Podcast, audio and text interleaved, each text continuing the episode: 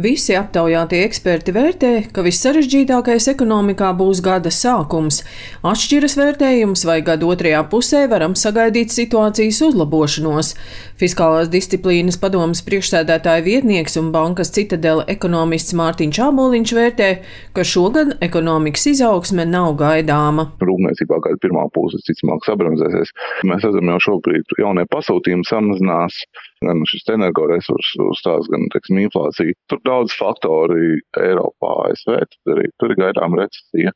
Tas noteikti ietekmēs mūsu eksportētājs, gan rūpniecību, gan pakalpojumu nozares un, protams, visi, teiksim, ģeopolitiskie riski. Par gadu otro pusi cerības ir, ka tā situācija varētu jau kļūt labāka, bet nenoteikti pārāk liela mēs tā pilnīgi pārliecinoši pateikt, jā, ka noteikti izaugsme tur sāks atkal iet uz augšu. Varētu tā būt, bet uh, redzēsim.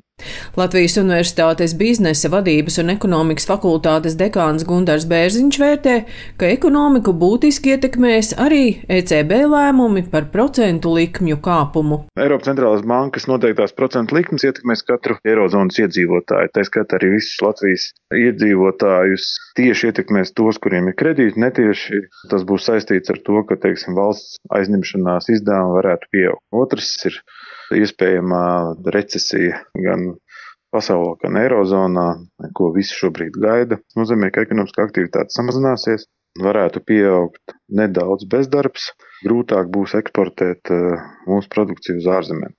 Trešais, kas arī tiek gaidīts, ka inflācija tomēr samazināsies nākošajā periodā, tieši tāpēc, ka Eiropas centrālā banka ceļ procentu likmes un ekonomiskā aktivitātei krītoties, mēs varam sagaidīt, ka inflācijas izaugsmes temps būs ievērojami mazāks.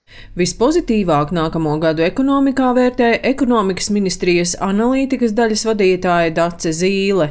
Viņa prognozē, ka gada beigās varētu sagaidīt nelielu, bet pozitīvu IKP pieaugumu un inflāciju zem 10%. 10%. Gada pirmā puse būs sarežģītāka, taču apstākļiem nepasliktinoties ģeopolitiskajā situācijā sagaidām, ka gada otrajā pusē jau varētu būt novērojams stabils atkopšanās pazīmes. Nākotnē uz priekšu enerģijas cenas vairs nekad nebūs tik zemas, kādas viņas ir bijušas pirms Krievijas iebrukuma Ukrainā. Tās tiešām ir liels struktūrāls pārmaiņas ekonomikā, kur lielākie ieguvēji būs tie, kas strādā zaļajā virzienā, ekonomikas pārorientēšanā, visas energoefektivitātes, jo, nu, protams, 100% atlaide ir tai enerģijai, kas nav iztērēta. Mārtiņš Čāboliņš no Fiskālās disciplīnas padomas vērtē, ka pozitīvu Latvijas ekonomiku nākamgad ietekmēs Eiropas Savienības fondu pieaugums. Pēc finanšu ministrijas aplēsēm nākamgad Latvijā varētu ienākt 800 miljonu eiro vairāk nekā tas bija 2022. gadā.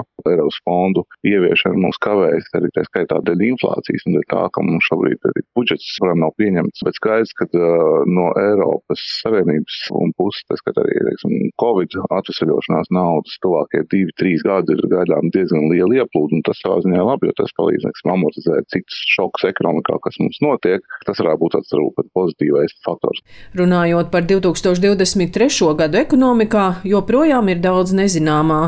Nav zināms, kāds būs Latvijas jaunais budžets un tajā noteiktās prioritātes, jaunizveidotajai klimata un enerģētikas ministrijai nāksies domāt gan par gāzes iepirkumiem nākamajai ziemai, gan par skultes sašķidrinātās dabas gāzes termināļa nākotni. Daina Zalamane, Latvijas radio.